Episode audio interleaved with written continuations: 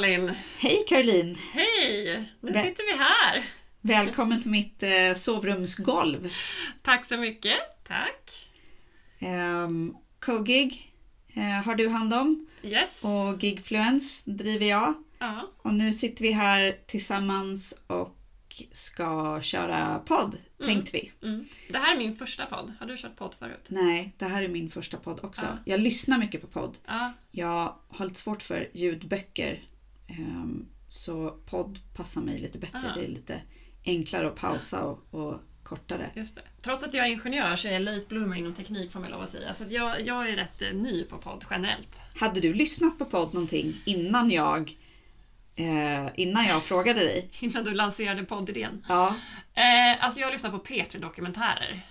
ja men de är Men, bra. de, men jag tycker inte att de räknas riktigt. För de vart ju liksom innan det fanns pods på något vis. Pods, heter det pods i plural? En podd, flera poddar. Poddar, titta. Ja. Ja. ja men kul, men det här är ju framgångsrik eller framgångslik har vi Ja. valt att kalla det. Och även om CoGig och Gigfluence är ganska fokuserade på gigbranschen och gigekonomin så tänkte vi få in lite mer bredd i den här podden. Mm. Så vi representerar våra olika bolag men vi väljer att eh, öppna upp podden här för mera än vad Mm. vi kanske annars sysslar med. Vi har ju båda ganska mycket erfarenhet från både kanske framgång men också vad man ger upp om man vill ha en karriär och vad det innebär. Och sen hoppas jag att vi kan få gästas av andra som kanske också har tankar och Mm. idéer och erfarenheter Mm. som vi kan dela med oss av. Både Så- framgångsrik och framgångslik. Ja men precis. Så förhoppningen är väl att, att vi kanske också kan se vad, hur kan man undvika att bli, bli ett framgångslik och istället bli framgångsrik beroende på vad det betyder för just dig. För det kan ju betyda olika saker Mm. för olika personer. Mm. Så. Men eh, Malin, vi känner ju varandra sedan jättelång tid tillbaka. Mm. Fast egentligen inte särskilt mycket. Nej, egentligen inte alls. Alltså det var ju superlänge sedan vi, eh, vi eh, hade ihop det höll jag på att säga. Men sen vi Precis, jobbade jag ihop. sommarjobbade och jobbade extra på ett företag som heter Axelon. Och där jobbade ju du heltid. Ja, Och där precis. sågs vi under ett par månaders tid och sen har vägarna korsats igen. Ja. Så Jag egentligen hittade- känner vi ju inte varandra. Nej, egentligen känner vi inte varandra. Men vi Eh, känner till varandra. Mm. Ja men precis. Och jag tror jag, jag vet inte riktigt hur jag hittade dig men jag tror att jag, jag vet inte om jag googlade på någonting och det dök upp eller om jag såg i, i LinkedIn-flödet. Men, eh, men jag tyckte det var superspännande att du hade valt att kliva av den här karriären och den här fantastiska bilden som jag hade av vem du var. Så helt plötsligt så såg jag att, men, va? Vad, vad har vad hon eh, eh, haft för sig och, och varför? Mm. Och jag tyckte det var kul att du hade gjort en förändring och valt kanske att testa något nytt. Mm. Och det hade jag också ungefär samtidigt. Mm. Men jag tänker i och med att vi inte riktigt känner varandra egentligen. Eh, så har man ju alltid lite förutfattade meningar. Nej. Eh, en liten rånarprofil eller vad man ska kalla det för. Ja. Och eh, jag har funderat lite grann men vad är det jag tror om dig egentligen? Och, eh, liksom, vad, vad vet jag? Vad tror jag? Och vad, liksom, vad stämmer? Har du Så läst jag min LinkedIn-profil? Ja men det har jag gjort, för, det gjorde jag ju när vi sågs första gången här för några veckor sedan. Eh, Men egentligen liksom så här, vem är Malin? Så jag tänkte jag ska dela den med dig. Ja, ja men gör det, vad roligt. Ja, spännande. Så kan jag dela vad jag har för, eh, vad jag har för rånarprofil på dig sen. Ja, Mm. exakt. Nej men jag tänker, alltså min bild av dig från det att vi jobbade tillsammans för, vad blir det nu, tio år sedan? Eh, när jag som sagt sommarjobbade. Mm.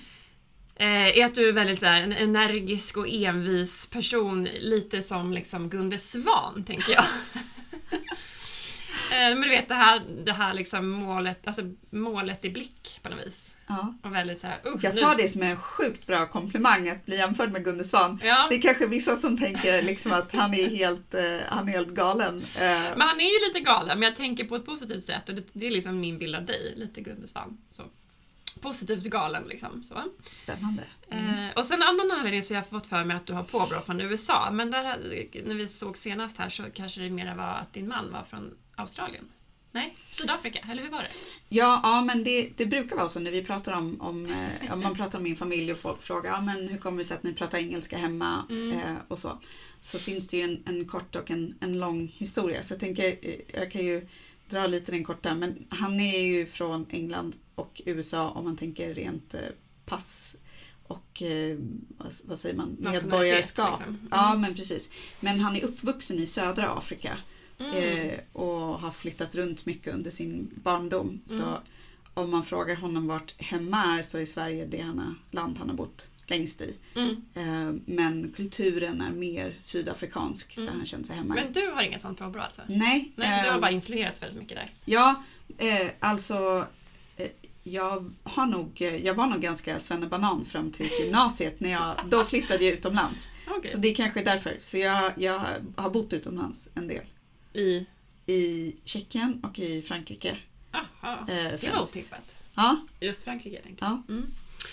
Ja, nej, men jag tänkte för du brukar, jag kommer ihåg från Axeln att du var- hade mycket så här svengelska och var väldigt amerikansk Det har jag nog eh, fortfarande. accent. Så Och om det är någon som lyssnar på det här. Om någon lyssnar på det här så kommer de säkert bli irriterade på att jag ibland ja, byter ut ord Ja. eller tappar ord. Ja. Ja. Och kopplat till den här liksom amerikanska bilden som jag hade av dig tillsammans med Gunde Svan så tänkte jag att du bodde i ett jättestort så amerikanskt hus. Nu sitter vi här i ditt hus, i ditt sovrum eh, och Jätte- det är ju ett radhus. Det är ett radhus. Mycket mer svennebanan än jättestort amerikanskt hus. Men det var liksom min, min bild. Så. Och att du då skulle ha en massa barn då och, ska vara, och att du är en sån supermom, career woman. Så. Ja. Så att jag tänker, och i den rollen ingår liksom att ja, du bakar till klassresorna och liksom skolbasaren men du, men, men du bakar egentligen inte med glädje. Utan du är bara så här, supermom, du får det gjort. Ja. och där tänker jag lite i karriär också i min bild, att du är liksom väldigt målfokuserad och får jobbet gjort och liksom sådär.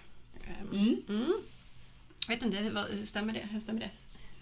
Alltså, jag, jag, vissa saker tror jag stämmer. Jag, eh, ja, men jag är ganska målfokuserad och jag tror att ehm, jag kan ganska ofta gå in i det här att om någonting kanske inte är super, superroligt och det kanske inte är ehm, ja men det behöver bara göras. Då det är bara rulla upp, kavla upp armarna och köra. Mm. Eh, och ja, nej jag tycker inte det är skitkul att baka till klassresan men Ska det göras så ska det göras. Ja. Men precis och då gör jag det. Och sen tror jag att jag har fått ganska mycket, min mamma var en sån där som, jag vet mina kompisar sa allt när jag var liten att de var så, de var så avundsjuka på mina så här, picknicklådor pi- när vi liksom skulle iväg med klassen eller någonting. Och där så jag har lärt mig lite från mamma så här, hur man Mm. organiserar och strukturerar Mm. upp och, och vad som ska vara. Så att, ja, men det kan nog stämma. Och, och även i, i arbetslivet. Jag tror Mm. att jag har nog viss del utav det som har varit min karriär har varit för att bara, det ska bara göras, nu Mm. ska jag bara vidare och så, Mm. så har jag bara kört. Mm. Eh, ibland kanske jag borde ha tänkt efter. Mm. Med lite pannben liksom. På den Ja, jo men det stämmer nog. Mm. Men ändå så här ordning och reda och liksom uppstyrt och ja, koll på läget. Liksom. Ja, jo Mm. men det, det tror jag, hoppas jag. Ja, och sen har jag bara sista här som jag liksom har reflekterat. Jag tänker så här, dels din semester, så här, det är ju inte att liksom ligga på stranden och lata dig. Det tänker jag inte. Jo, jag älskar att ligga på Är det stranden och lata mig. Jag tänkte mer så här, din högsta dröm det är Amazing Race. Har du sett det tv-programmet? Ja, alltså Ja. vet du att min dotter är döpt efter producenten? Titta! Till Amazing Race. Så att, ja, det skulle också vara en, eh, en av mina drömmar att, eh, att eh, vara med i Amazing Race. Kul, men du, vad, vad har jag inte prickat in? Vad vill liksom, vad, vem mer är du då, Malin? Oj. ehm, jag tror ehm, jag är nog ganska orädd som person. Eh, om man tänker rent så här vad, vad jag har för bakgrund så eh, har jag alltid jobbat med teknik av någon, något slag fast jag har inte någon teknisk utbildning egentligen. Så jag har jobbat med betalningar i supermånga år. Eh, jag har jobbat med produktledning i många, många år. Ehm, och, eh, men som sagt var, jag är ganska orädd så när jag kände att det var dags för att prova någonting annat så ja, men, eh, det tog lång tid att komma fram till beslutet att, att faktiskt eh, ehm, våga säga upp mig och prova någonting annat. Men, eh, men det är många som har sagt, ja men hur vågar du? Och, och shit vad modigt. Eh, det kändes inte så modigt. Det kändes bara som ja, men det var ett bra beslut att Mm. ta. Så Mm. ja, så. Sen så, ja, envis kan jag definitivt vara. Jag kan bli sjukt sur också. Ja. Eh, och jag kan vara jätte, eh, jätteglad och jättearg och jag har ganska... Eh, Emotionell liksom. ja, men jag har ganska starka känslor överlag tror jag. Ehm, så, ja. Men du, ehm, du då? Eh, om jag ska göra lite så här rånarprofil Ja, på vem jag tror Vem du tror du är. att jag är då? Ah, shit. Ehm, jag har alltid tyckt att du varit väldigt, väldigt eh, spännande. För att, eh, ja men dels så... Det är ett svårt ord alltså. Om det är bra eller om det är så här, Jo, fast det, hmm. nej men på ett bra sätt. Men sådär så jag har alltid haft lite så här. "Oj, jag undrar vad som döljer sig där bakom. För om man, om man läser både på LinkedIn och ehm, om man tänker när du vann eh, den här utmärkelsen och sådär. Eh, det som sk- har skrivits om dig då, om man säger så. Så bilden som målas upp och som jag, jag tror att den är väldigt sann är någon som är väldigt driven och, och målinriktad. Ehm, jag har alltid, jag har alltid eh, haft bilden av att du är sjukt smart. Jag har alltid känt så här, hon är faktiskt snäppet smartare än vad jag är. eh, och, ja, men, och det var så roligt för när jag satt och tittade på din LinkedIn-profil eh, eftersom jag skulle fundera lite på en så här rånarprofil så såg jag att det eh, var någon som hade skrivit så här, ja men Caroline hon ställer alla de där jobbiga frågorna eller någonting, någon som har skrivit någon rekommendation. Så jag ställer alla de här frågorna för att verkligen ta reda på vad problemet är. Mm. Och det kan jag verkligen komma ihåg från när vi jobbade tillsammans. Eh, när inför någonting eller behövde, du behövde förstå någonting, någon ny produktuppdatering eller vad det kunde vara. Så alltid så här, se till att ställa alla de här frågorna tills du hade alla svaren som du behövde. Ehm, och, och det är ju en väldigt bra eh, kvalitet och en sån där som när jag träffar människor som, som vågar fråga och som, som ställer kluriga frågor som jag då kanske tycker att, oh, men gud, jag borde ju ha haft svaret på det där redan innan. Mm. Då blir jag imponerad. Mm. Så eh, ja, men jag har alltid varit imponerad av dig. Och sen så eh, när jag har sådär på håll följt lite vad, som har, vad du har gjort så ja, men mål, målmedveten och karriärsinriktad. Men ändå väldigt ödmjuk. Mm. Jag får ibland bilden av att du inte kanske så här vågar skryta och jag vet inte om det är för att du inte alltid tror att du är så bra som du är eller om det bara är för att men jag tycker inte om skryt och att du inte riktigt vet vart gränsen går mellan Mm. skryt och vara stolt och Mm. prata bra om när man har åstadkommit något man är stolt över. Mm. Jag vet inte. Men Jag tror att jag är, alltså jag är väldigt typisk den här duktiga flickan. Mm. Jag har varit länge och jobbat på att få bort det lite grann också. Eller framförallt liksom ha den i rätt situationer, få kontroll över den. Men var kommer det ifrån? Eh, Ja, det kan man ju fundera. Det finns väl alltid liksom sin bakgrund där man kommer ifrån. Men jag tror att det är någonting som... Jag tror att det är det du ser lite grann. För jag själv är nog min största domare. Att jag kräver nog inte kanske bekräftelse primärt utifrån sett. Nej. Utan är mer, och det är väl det som gör att jag liksom kanske inte är så skrytig av mig på det sättet. Men däremot är jag stolt över saker jag gör, om jag gör det bra. Mm. Eh, Men målinriktad, det skulle jag absolut säga att det är. Det har jag alltid varit sedan jag var liten. Eh, Alltså det, och det kan gälla sådana små saker. Det är sånt som jag tycker är viktigt. Det behöver kanske inte vara målinriktat för sånt som andra tycker är viktigt alltid. Nej, och just det här att ja, men det här tyck... Jag har en känsla av att det som du Om jag har bestämt Tyck- mig liksom. Ja men precis, då är det Så är det liksom det. Eller, eller om du har värderingar som betyder väldigt mycket Ja. för dig. Då är inte du villig att liksom tumma Nej. på dem. Nej, det skulle jag säga Ehm. stämmer väldigt bra, väl in. Ja. Så, så, och i sådana tillfällen så har jag alltid tyckt att där vågar du stå på dig. Mm, Men kanske mer om det är något, när du har gjort någonting bra. mm. Så hör man alltid alla andra prata om, eller alltid säger jag, men det är ofta andra som pratar gott om dig. Eh, och sen kanske man frågar dig direkt så här, jo, ah, ja det var jättebra och, och intressant. det är jag stolt ja. över. Men, eh, men ja, jag vet Mm. inte Mm, om det, eh, om det liksom stämmer. just det. Så, um, och ja, det skulle jag säga, tänkte jag säga också. En av anledningarna till varför jag frågade om jag fick intervjua dig förut för att skriva en artikel var också för jag kände att men jag vill gräva lite. Jag skulle vilja prata med Caroline och verkligen höra hur hon tycker och tänker om olika saker. Så jag var glad att jag fick en möjlighet att, att ha ett sånt typ av samtal Mm. och höra liksom dina åsikter om saker. Mm. Så. Kul! Mm. Mm. Sen är jag däremot så är jag lite så här, jag funderar på, undrar hur, ja, men hur Caroline är som mamma. Mm. Ehm, Det undrar jag också. Barnen är ett och ett halvt och tre och ett halvt så snart kan man ju fråga dem. men är du en hönsmamma eller är du en, eh, en mamma som är så här, ja men eh, ni får gå till skolan själva, typ? Ja, jag tror att jag är en blandning. Alltså jag tror att jag är lite så här, var försiktig, var försiktig när de klättrar och såna här grejer. Men vill ändå att de liksom ska utvecklas och testa grejer så att det är nog lite en blandning. Mm. Eh, Men min man är nog mindre hönspappa än vad jag är hönsmamma.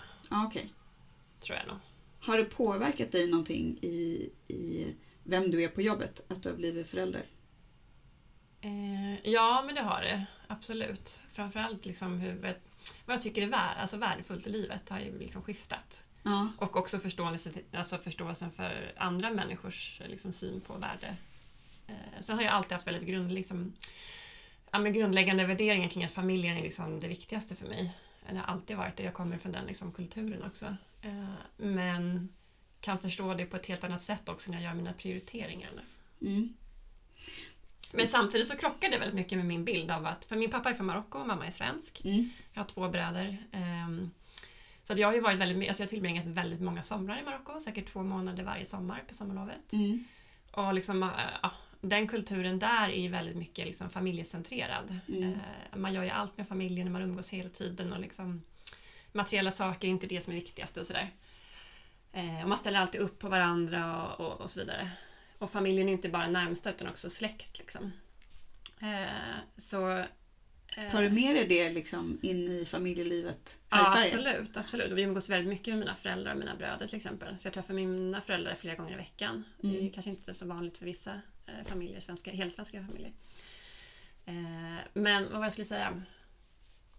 Eh, jo, men eh, också när det kommer till karriär. Alltså, jag, jag är väldigt inne på det här med eh, lika rättigheter för män och kvinnor, liksom ett jämställt näringsliv och lika möjligheter och så vidare. Och den, att liksom fortsätta vara en förebild för mina barn och liksom kunna satsa på karriären. Mm. Men utan att släppa den här liksom familjedelen, att så familjen i centrum i fokus, de krockar ju ganska ofta. Ja, men jag, precis. Jag Så tänkte den det. är ju liksom, den, eh, sen jag har fått barn så har den blivit mycket svårare liksom, att Mm. hitta en balans i. Mm. Tidigare så var det ju bara att köra på. Ja, men jag kan känna ofta att jag... För mig är det viktigt att... Ja, men det är viktigt för mina barn, både, jag har två tjejer och en kille. Mm. Ehm, Det är viktigt för tjejerna kän, känns det att den här bilden av en, en, eh, en karriärskvinna kanske är fel, eh, fel eh, ord men bilden av en, en tjej som jobbar och som är framgångsrik och så den är viktig för mig att, de, att det känns naturligt för dem. Mm. Ehm, samtidigt så vill jag ju liksom inte att de ska vä- växa upp och, och säga när de sen är, sitter där och är 20 bast, då vill inte jag att de ska säga nej men mamma var aldrig där. Nej, precis. Så, och det tror jag, det här som du säger, ja men du är så här supermom eller någonting. Där kan nog vara, ja men jag har försökt att verkligen få ihop den där rollen för att det har varit otroligt viktigt att jag finns där för dem i deras aktiviteter, att jag, Mm. att jag är där på olika skolevent, att jag är där på andra saker och sånt. Mm. Men jag tror ändå vi har någonting gemensamt där då. Ja, jag minns en gång, alltså på 24 timmar så hade jag betat av ett affärsmöte i Los Angeles. Eh, och så hade jag också betat av en gympatävling här hemma i Sverige. Mm. Eh, och då flygit liksom emellan. Mm. Eh, och då kände jag så här. Nu när jag tittar tillbaka så kan jag tänka, men gud det är helt stört.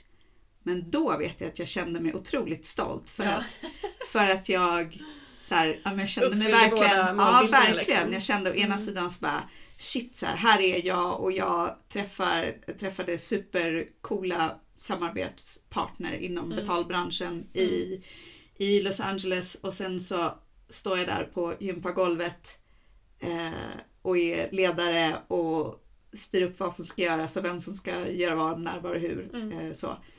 Ehm, men då är frågan också så här, är det för att Alltså varför, varför har jag hållit på så? Är det för att jag tycker att det ska vara så eller för att jag tror att andra Mm. tycker att det ska vara så? Mm. Det här är ett ämne vi kommer komma tillbaka till sen i podden. Är det någonting annat som du skulle vilja lägga till? Nej, men jag, eh, om mig själv, men jag är gift med Johan, har två barn då, som sagt, en tjej och en kille. Är ingenjör eh, från KTH. Ehm, och eh, ja, jag, som du nämnde tidigare så eh, blev jag utsedd till eh, Årets teknolog och Framtidens kvinnliga ledare när jag exades. Eh, Så då fick jag gå ett traineeprogram på tre företag eh, och sen så började jag då på ett av de företagen. Och det är Mm. där jag liksom haft min längsta karriär då, och det är på AstraZeneca. Mm. Så där har jag varit inom olika chefsroller inom produktion framförallt. Eh, började som första linjens chef. Eh, och sen har jag jobbat från, som, allt som sektionschef och ansvarat för olika anläggningar. Eh, med 70-100 personer. Och eh, även jobbat inom logistik och planering och liksom, ja, mycket liksom personal och, och verksamhetsutveckling och verksamhetsledning. Mm. Och sen har jag haft mitt egna företag också vid sidan av Ja men precis. några år. Magent, där vi då driver utvecklingsprogram för kvinnliga civilingenjörsstudenter. Så du är också lite av en superwoman? Ja, men det låter så nu när jag Ja. säger det högt. Ja men visst Ja. gör det? Ja.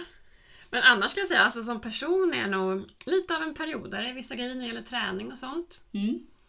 Eh, tränade på bra i höstas, har helt tappat nu. Så liksom en riktig periodare på det området. Samma sak när det gäller ja, men sånt som jag liksom Ja men hobbys på det sättet är en perioder i. Måla, jag tycker om att måla akvarell. Det har jag inte gjort säkert på 10-15 år. Nu liksom gick jag en nybörjarkurs här nu för några helger sedan och var igång igen. Superkul.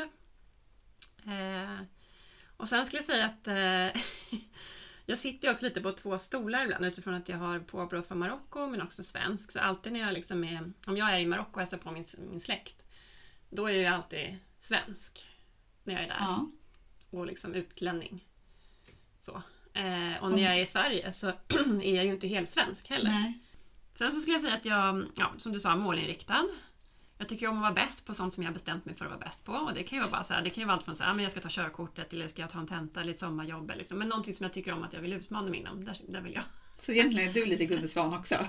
Ja, kan men kanske lite, fast jag tror ändå att du är mer Gunde Svan. Men jag, jag kan vara lite så här uppfinningsrik tror jag. Jag hörde någon Mm. gång att Gunde Svan typ så här, eh, skruvade av de här plopparna under stavarna för att de skulle väga två gram mindre. Det är så, ja men sånt Ja. skulle jag kunna Ja. Få för mig. Ja. Nej, och sen har jag också en liten kul beskrivning. Men min kollega, jag har en kollega från AstraZeneca när jag började där, Jörgen, som jag tycker väldigt mycket om. Eh, han har lärt mig så mycket grejer. så jag tycker han, han har en stor ära till varför jag har så bra karriär. Men han beskrev alltid mig som en väderleksrapport. Eh, för att det är väldigt tydligt på mig, alltså, man kan tydligt se om jag är glad eller om jag är lite liksom, frustrerad eller upprörd över Inte att det inte går bra. eh, Liksom. ja. Då kunde han liksom genom att eh, liksom snabbt slänga ett öga när jag kom in på morgonen och liksom bara, ja ah, men nu väderleken säger sol idag, yes, bra. Caroline är på topp liksom. Och så bara, nej, då, nej nu är hon inte, nu är det som, nu är det mulet liksom. Nu är det någonting som hon bekymrar sig över och då är det ofta någonting som jag liksom inte tycker att det har gått som jag ville då. Ja, Så en väderleksrapport brukar jag, eh, ja, brukar jag använda som exempel. det var en, en, Ja. en bra beskrivning. Ja, så att, eh, så. Ja, men det är väl lite kort vem, Mm. jag, vem jag är. Men jag tänkte, ehm, du sa ju också att ehm, det är på AstraZeneca och så som du har haft större delen av din karriär och så. Vi pratade om bolag och såna, här- att du har drivit Magentor och sånt. Mm. Ehm, känner du att du är framgångsrik? Och vad är, vad är framgång för dig? Eh, nej, utifrån mina egna mått, så som jag har satt upp, så känner jag mig framgångsrik. Alltså generellt. Vad är liksom. de måtten då? Nej, men att jag har gjort det som jag vill göra på det sättet jag vill göra det. Um, alltså för mig, jag, ända sedan jag var liten, eh, så har jag varit en person som inte vill bli styrd. Alltså det är en ganska djupt rotad kraft i mig, att jag Mm. vill inte bli styrd. Jag vill göra själv, jag kan själv, jag bestämmer själv. Eh, och jag kan liksom inte förklara var det kommer ifrån. Eh, och eh, tillsammans med det här med mycket olika kulturbagaget och där, så är jag ganska orädd för att jag liksom vara på nya platser och testa nya saker. Jag liksom läst ingenjörteknik. Jag har alltid jobbat med mycket män. Um, ja, men jag sommarjobbade på Axlon där när jag höll på att plugga, då var jag tekniker, servicetekniker, åkte Mm. ut med min verktygslåda till butikerna för att serva kassasystemen och alla undrade så här, när kommer tekniken? Så bara, men det är ju jag liksom. Mm. Eh, så att jag tror att eh, jag tror inte jag, alltså, det är klart man påverkas normer jättemycket. Eh, men jag har också satt upp så här, men det här är det som, som jag tycker är viktigt att lyckas med. Och Mm. Mycket av det har jag gjort men eh, eh, det finns ju mycket som jag inte har gjort också. Så att, eh, nej men jag tycker inte man ska vara så hård mot sig själv. Nej. Ha i karriär liksom. Mm. Men för mig då är det mycket att göra, så här, göra det som man vill, liksom, uppnå det man vill uppnå tror jag. Mm. Nu Men nu kan man ju säga så här, nu börjar man ju undra vad som har tagit, alltså hur min, vad min karriär ska ta vägen här nu. För nu, jag har ju följt mycket den här klassiska liksom, karriärsutvecklingen eller vad man ska säga. Mm. Men så här, pluggat ett bra, bra program, läste civilingenjör. Ja men sen, ja, jag liksom vann en utmärkelse, fick möjlighet att gå ett skräddarsytt traineeprogram på tre stora företag. Jag fick liksom själv välja vad jag skulle göra. Helt fantastiskt, liksom kickstart på karriären. Ja, men jag kom in som första linjens chef när jag var 26 eller 27 på AstraZeneca. Fick mitt första chefsjobb och liksom, ja. Det har ju gått väldigt bra liksom så. Ja, du har ju verkligen följt en, en ganska tydlig Ja, karriärstrappa. Ja men verkligen. Men det är också när man tittar i backspegeln som det ser ut så. Mm. Eh, att liksom, åh shit det här har ju gått fantastiskt bra. Gud vad hon har en röd tråd och så här, det ena jackar i det andra. Vilken timing och det var två år där och det var två år där. Mm. Liksom. Men när jag har stått inför varje sån här grej så har det ju bara varit kaos. Mm.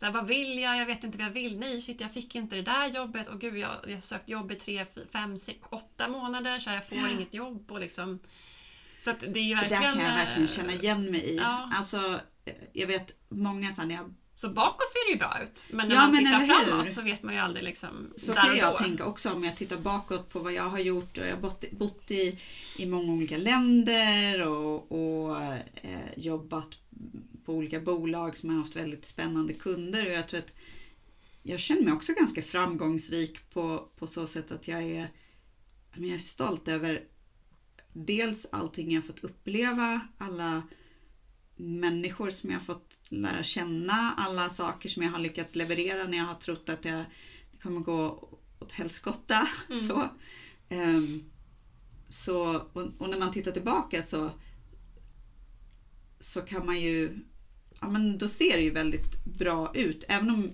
min CV är ju inte lika eh, tydlig så här, karriärstrappa tror jag som, som din är. Jag har bytt bolag. Du har ju, I och för sig, jag har haft många olika roller inom de Mm. bolag jag varit på. Men, men jag har ofta bytt bolag och då gått till nästa nivå om man säger så på, på den nya arbetsplatsen. Men jag kan också känna att det har varit kaos och alla de här valen som jag har gjort. Jag har ju hamnat där jag hamnat inte för att ehm, det har varit superenkelt eller, eller eh, ett tydligt val utan nästan alla mina karriärsval har varit slump, bananskal Mm, eller jag vet inte hur det blev så ungefär. nej. Men sen måste jag ändå dock slå ett slag för att jag har ju karriärplanerat lite. Mm. Det tror jag att man många gör också. Och det, är- alltså, men det enda är att man vet ju inte om det går i lås. Men eh, ja, har man någon typ av plan så är det någonting som går i lås någon gång. Jo men så är det. Men Så jag det tror att jag har gjort, gjort mer liksom. planering när jag, har varit, när jag väl har varit på ett bolag. Där tror jag mer min karriärsplanering har legat. Mm. Så här, hur, om jag vet att jag vill växa vill inom det bolaget. inom? Ja, Ja. men precis, och jag vet att jag vill växa inom det bolaget. Så, Mm. ja. Mm.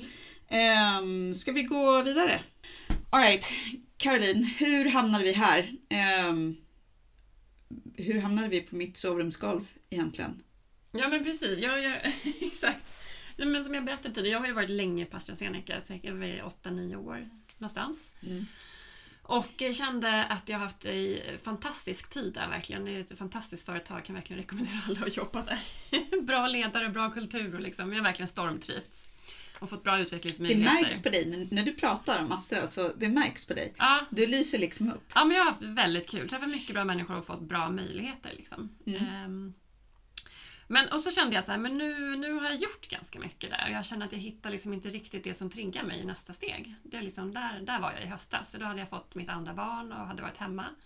Och så kände jag att jag hittade inte riktigt det jag vill göra härnäst när jag kom tillbaka. Och då har jag då drivit eh, Magent under sju år nu då, eh, där vi har då utvecklingsprogram för kvinnliga ingenjörsstudenter. Det som har pågått längst är Female Leader Engineer eh, som är då en plattform för kvinnliga civilingenjörsstudenter att möta eh, åtta stora företag i näringslivet och få en bra start på sin karriär. Eh, och där utser vi då årets framtida kvinnliga ledare och sådär. Och så har vi då två andra program. Female Digital Engineer med en profil mot digitalisering för de som tycker det är kul att driva den transformationen. Och sen precis nyligen har vi startat Female Technical Engineer som är mot de här som ja, men vill liksom lite mer nörda ner sig i tekniken helt enkelt. Och så sen- det har vi liksom kört. Och då, Och sen tänker du att eh, jaha, men det här gör jag på sidan om. Ja. Så du, det här har du haft på sidan om ett, ett, eh, ett, eh, heltidsarbete och sen så Ja men precis. Nej, men, eh, ja, men vi började lite ideellt med det ett par år och sen så eh, kände vi att vi eh, inte ska vara de här som går i kvinnofällan alltid och gör saker gratis. Så då bestämde vi oss för att eh, men då har vi en anställd som gör det. Så vi har en anställd som driver våra program. Eh, Men vi jobbar ju ganska, vi är ju fyra stycken som driver så vi jobbar ju väldigt mycket med det också. Men inte heltid. Men däremot så var jag sugen på att jobba lite mer heltid för vi har ju ett nätverk kopplat till de här programmen då. eh, Med ingenjörer som har jobbat i 15 år. Kvinnliga ingenjörer. Och då har vi länge känt så här, men hur, det här är en fantastisk, liksom, det finns en stor potential här. Och det är många som hör av sig, så här, men hur kan man rekrytera via det nätverket? Och, och vi vill gärna ge tillbaka mycket till nätverket. Vi följer de här kvinnorna från programmen tills, liksom, ja, under många års tid sedan. mm. Så då, ja, men då hade vi en idé om att vi skulle köra igång gig, eh, gigverksamhet. Och eh, faktiskt ta steget för ingenjörssektorn att börja gigga. Och det gör man ju till stor del inom IT bland annat. Men inte så mycket i den här traditionella ingenjörsdelen. nej. Giggar ju liksom inte idag. Och där tänkte vi att det här är ju väldigt spännande. Jobba med gig och rekrytering kopplat till att vi har en stor andel kvinnor. Och då var det väldigt bra timing. Eh, jag hade varit föräldraledig så då tänkte jag, men ja, om någon måste göra det så kan jag göra det på heltid. Så då, men jag är inte lika modig som du som sa upp mig på en gång, för jag tog tjänstledigt först. jag, var så här, jag, var väldigt, jag var väldigt attached till Astra. Så att jag tog tjänstledigt sex månader för att testa, liksom, är det här någonting för mig och så. Och eh, ja, men ganska snabbt så insåg jag att så här, men det här var ju sjukt kul att få driva liksom eget och, och gå all in. Och jag kände att jag var inte klar efter sex månader. nej. Så då slutade jag helt på AstraZeneca och gick in he- ja, liksom, helhjärtat, eller säga. Det gjorde jag hela tiden, men ja. Helt i, i Cogig som vi, som vi kallar det för. Mm. Ehm, och eh, sen kom ju Corona. Ja. Ungefär en månad efter att jag hade sagt upp mig och, och jobbat heltid med Cogig eh, då i sju månader. Jag hade också ungefär lika bra timing. Ja, och då bara kände jag att hela rekryteringsbranschen höll andan här. Så då eh, tänkte jag så här, men låt oss inte stressa. Då håller jag också andan. så att jag pausade Cogig ett litet tag här och jag tog ett eget gig. Alltså jag slutade på Worldline i eh, december. Mm. I ja, mitten där på december. Och sen officiellt. Och så var jag ledig och gjorde ett deltidskonsultuppdrag. Jag startade min, jag visste ju att jag, jag skulle sluta. Jag hade ju sagt upp mig. Jag hade ju lång uppsägningstid så att, eh, jag hade satt upp mig innan så jag hade startat mitt bolag. Och eh, så ungefär samtidigt som jag slutade på Worldline så fick jag ett första lite så deltidsuppdrag. Eh. Men sen så åkte vi också till Sydafrika som vanligt över jul och nyår och träffade mina svärföräldrar och så. Och sen när jag kom hem så började jag dra igång allting kring min egen konsultverksamhet. Mm. Och det var väl i dem, ungefär då som jag, som jag eh, hittade Cogig också. Men då hade jag hunnit bli så himla frustrerad på sjukt svårt det var om man inte vill gå in och ta anställning som konsult. Mm. Kanske även då. Men jag var frustrerad över att det var svårt att hitta information kring vilka konsultmäklare som fanns om man ville gå in som underkonsult. Mm. Ehm, att det var svårt att hitta alla olika uppdrag som är ute. Många lägger inte ut sina uppdrag, bolag lägger inte ut Nej. sina uppdrag och konsultmäklare lägger ofta inte ut dem heller. Mm. De som finns ute finns mer gömda bland alla vanliga jobb om man säger så. Mm. Och jag vet ju från när jag har sökt jobb förut att det är ganska enkelt att söka jobb. Det är enkelt att hitta de jobb som finns tillgängliga. Ehm, och, och baserat på vilka jobb du hittar så, så ja, men då är det ju någon rekryteringsbyrå ofta som, som hör dit. Men den här tydligheten fanns inte på konsultsidan. Och, eh, så det var en liten frustration och då började jag fundera över om jag kunde göra någonting för att, för att eh, sprida information och, och, och så om det. Och jag, det finns tankar om att på ett bättre sätt föra ihop bolag med konsultmäklare eller gig, gigbyråer, gigfirmor ehm, och giggare så. Men till en början så kände jag men jag kan i alla fall jag kan dra igång någonting och jag hade saknat att vara kreativ ganska länge. Så att Mm. jag valde att helt enkelt börja blogga, mer Mm. som en affärsblogg då, men, och sen även börja samla ihop information. Börja man sammanställa. måste ju börja i någon Ja, men börja precis. bygga liksom, Och börja samman, sammanställa. För jag, jag, jag minns också när jag som rekryterande chef skulle ta in konsulter att jag hade inte tid att leta bland massa olika konsultfirmor utan Nej. man gick på den som man hade använt tidigare, som kollegor hade använt Mm. eller, eller så. ehm, och att benchmarka och göra, göra ehm, ja, men ta in flera offerter från fl- flera olika. När man Mm. väl behöver en konsult då, då behöver man ju den kompetensen nu. Eh, annars så lägger man ju tiden på att kanske rekrytera någon. Mm. Så att jag minns ju det från den tiden också att ja, men den här frustrationen har jag nog haft fast från en annan vinkel. Så, Men det ehm, tror jag är bra. Jag tror att många affärsidéer som lyckas är ju sådana där man själv liksom har stött på ett problem och det finns ett väldigt tydligt behov och man själv känner för det. Det är Ja. samma sak för oss. Alltså vi, vi, eh, vi ser ju det här tydliga problemet med att man blir placerad i fack, alltså när man Mm. blir rekryterad. Alltså det gamla sättet att rekryteras på eller liksom bli konsultanställd är ju så här, men du är produktägare, då kan du bara jobba med produktägarskap. Eh, Du har jobbat i, inom läkemedelsindustrin, du platsar bara i läkemedelsindustrin. Eh, Du har bara jobbat i fordon, du, du platsar bara i fordon. Istället för att titta på, okej det här är en ledare, hon har jobbat i produktion, hon kan jobba i all typ av produktion i princip. Sen behöver man ju alltid på ett jobb lära sig viss branschspecifik kunskap. Men det gör man ju i alla typer av jobb. Så där ligger men liksom vår frustration lite grann. Domänkunskapen den finns ju ofta på det bolag. Kommer du som konsult eller som nyanställd till ett Mm. bolag så domänkunskapen finns ju ofta på det bolaget. Mm. Den finns ju att tillgå men de kvalifikationer du behöver som en bra ledare Mm. eller, eller vad nu rollen är för någonting. Mm. Det är ju utöver domänkunskapen. Så att, så, och, och där är många som tycker olika när man, när man rekryterar. Men, Mm. men jag har ofta... Ja, Men vårt nätverk är ju mycket ledare. Alltså vi är mycket förändringsledare, chefer och projektledare och liksom de som driver transformation och digital transformation. Och liksom. Så därför ser vi väldigt mycket med att man kan liksom brygga branscher på ett liksom mycket mer flexibelt sätt än vad man Mm. gör idag. Och nyttja potentialen om man ska vara konkurrenskraftig. Är det någon som har lyckats med någonting inom digitalisering, låt oss då kopiera det i en annan bransch istället för att uppfinna hjulet på nytt. ja men precis. Så det är liksom ena drivkraften för Cogig och den andra är ju ja, men vi tror väldigt mycket på det här med team och det är där namnet Co-gig kommer ifrån. Att Mm. man eh, kan gå in och gigga som ett team och liksom leverera på ett uppdrag i sin helhet. Mm. Man kanske inte behöver en, liksom, fylla en hel roll. Att ja, vi behöver en hel projektledare här, vi behöver en, en hel person av den här kompetensen. Utan ja, men vi behöver 30% av den erfarenheten och, och 70% av den egenskapen och så är det kanske 50% av den liksom, profilen och tillsammans ska vi in och le- leverera på det här uppdraget. Och så kan man välja varandra som kollegor. och Liksom den här friheten och flexibiliteten tror vi väldigt mycket på. Tror du marknaden är redo för det? Ja, det ja, får vi se här nu. Jag tror att gigsidan är absolut redo för det. Mm. Eh, och personerna i vårt nätverk, absolut. Man vill styra sin egen karriär idag. Eh, och det ingår liksom, det är inte bara tid utan också liksom utvecklingsmöjligheter och, och sådana saker. Så då, ja, jag, jag, tror att, ja, men ja, jag tror att bolag behöver se till att göra sig redo Verkligen. om de ska, om de ska hänga med. Så. Mm. Ja, nej men, men om man, eh, hur, hur jag hamnade här egentligen. Jag, jag hade ju egentligen ett jättebra jobb och trivdes jättebra. Ja, precis. Och jag trivdes jättebra med min chef och eh, med det, den produktavdelningen Men ibland måste man som slänga sig ut jag... någonting nytt. Ja, men jag tror att för, för min del så var det lite också bolaget jag jobbade på blev uppköpt av ett större bolag, så Worldline, ett stort bolag. Ehm, så ju större det blev, eh, desto mindre kunde jag använda drivet och farten. Så. Och sen så var jag på intervjuer på lite andra bolag.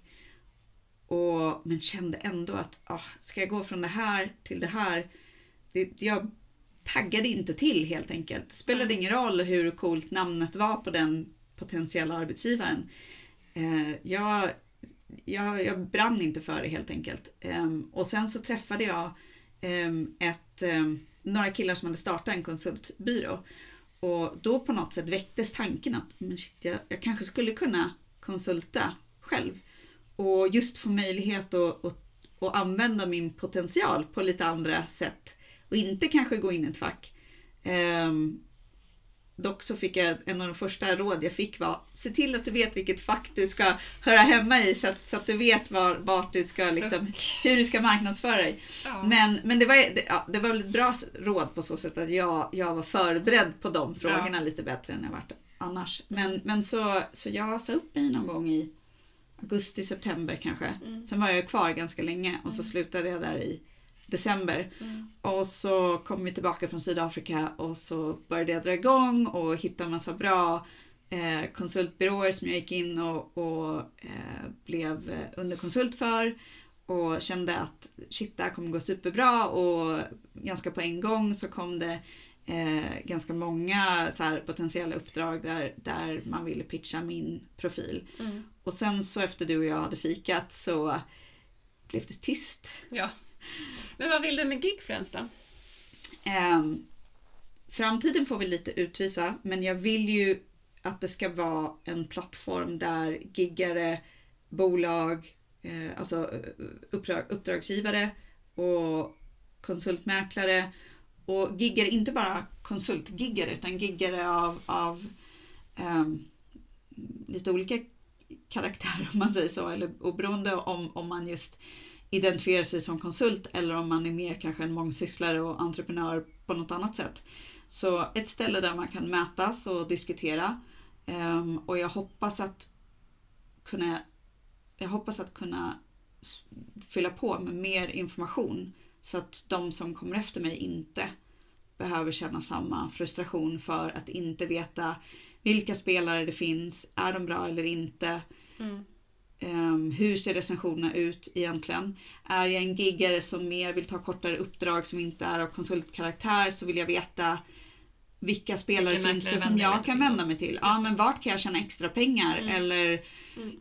ja, jag kanske är, håller på och pluggar och tar ledigt en ter- termin. Vad, hur kan jag gå in och ta lite gig under tiden? Mm. Så ja, och sen har jag verkligen det som jag har, som jag är förvånad över tror jag, är hur mycket jag har saknat att vara kreativ. Mm. Så Mm. ja, jag hoppas att jag inte tröttnar på det. Mm.